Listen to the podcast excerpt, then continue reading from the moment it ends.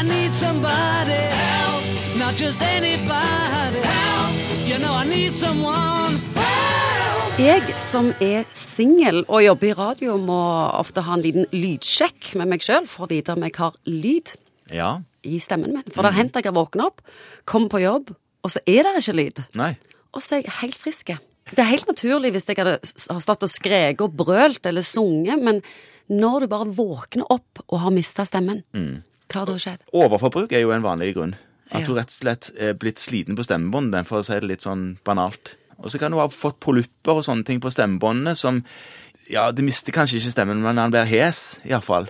Han kan forsvinne òg, altså, men det er jo òg en ting som kan skje ved langvarig overbruk av stemmen. Og så er det langtidsrøykende. De vil òg noen ganger miste stemmen. Du har jo òg folk som sier at de har fått en virus på stemmebåndene. Det kan en òg få, som kan gi både heshet og bortfall av stemme. Så er det faktisk noen ganger mer provoserende for stemmebåndet da å hviske. Så det skal Ja. du heller ikke gjøre, egentlig. Babyer som hyler og skriker, Ja. hvorfor mister ikke de stemmen? ja, nei, de, det hender jo de gjør det. Til alles store glede. Eh, men, eh, men det vanlige er jo at de ikke gjør det. De, De det- bruker stemmen rett. Det gjør de antagelig, for de, har, de kan jo ikke noe annet enn eh, enn det de gjør. holdt jeg på å si. Sånn at det, det er språket deres. De, de hyler.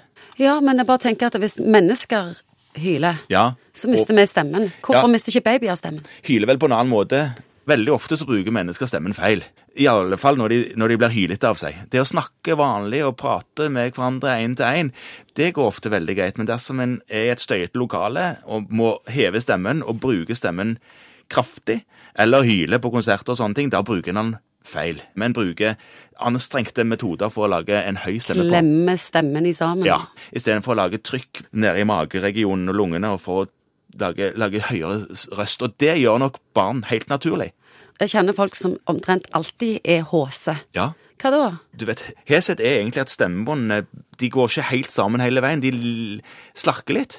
Det er ikke noe farlig i det, men det, det gir en heshet. Eh, Kan heshet eh, være tegn på en alvorlig sykdom eller noe dødelig? Vanligvis aldeles ikke. Men, Men kan det? det? Ja, det kan, men jeg er veldig redd når jeg sier alltid at det kan, så, så har jeg et renn på kontoret. Jeg liker å skremme folk. Ja, dagen etterpå av folk som Ja, jeg er som du sa, det var alvor. Altså, det er, det er ikke det. Men dersom det står på over lang, lang tid, uten forklarlig årsak, og dersom det bare blir verre og verre, så kan en jo ta kontakt, så kan vi sjekke det ut. Det som er med stemmen, det er at den styres av en nerve som eh, går på halsen. Ta en liten slung nedom, helt nedom Nesten kragebeinet. Nesten kragebeinet, ja. Sånn at hvis en har gjort noen operasjon eller har sykdom helt øverst i en lunge, så kan det gi heshet. Og det er en av de tingene som man kan være oppmerksom på dersom hesheten aldri går over. Folk som har mista stemmen sin, Ja. hva er optimal behandling for å få den fort tilbake igjen? Den optimale behandlingen er å prøve å ikke belaste den. Du kan ikke drikke varm drikke. altså du, Er det ingenting varm honning, eller holde seg vekk fra et eller annet? ja, Nei, holde seg vekke fra røyk og holde seg vekke fra å snakke. Er det noen du skulle ønske mista stemmen? Jeg skulle jo sett for meg at, at eh, en viss presidentkandidat i USA hadde vært rolig det siste året, sånn at vi slapp den situasjonen vi nå har. Help me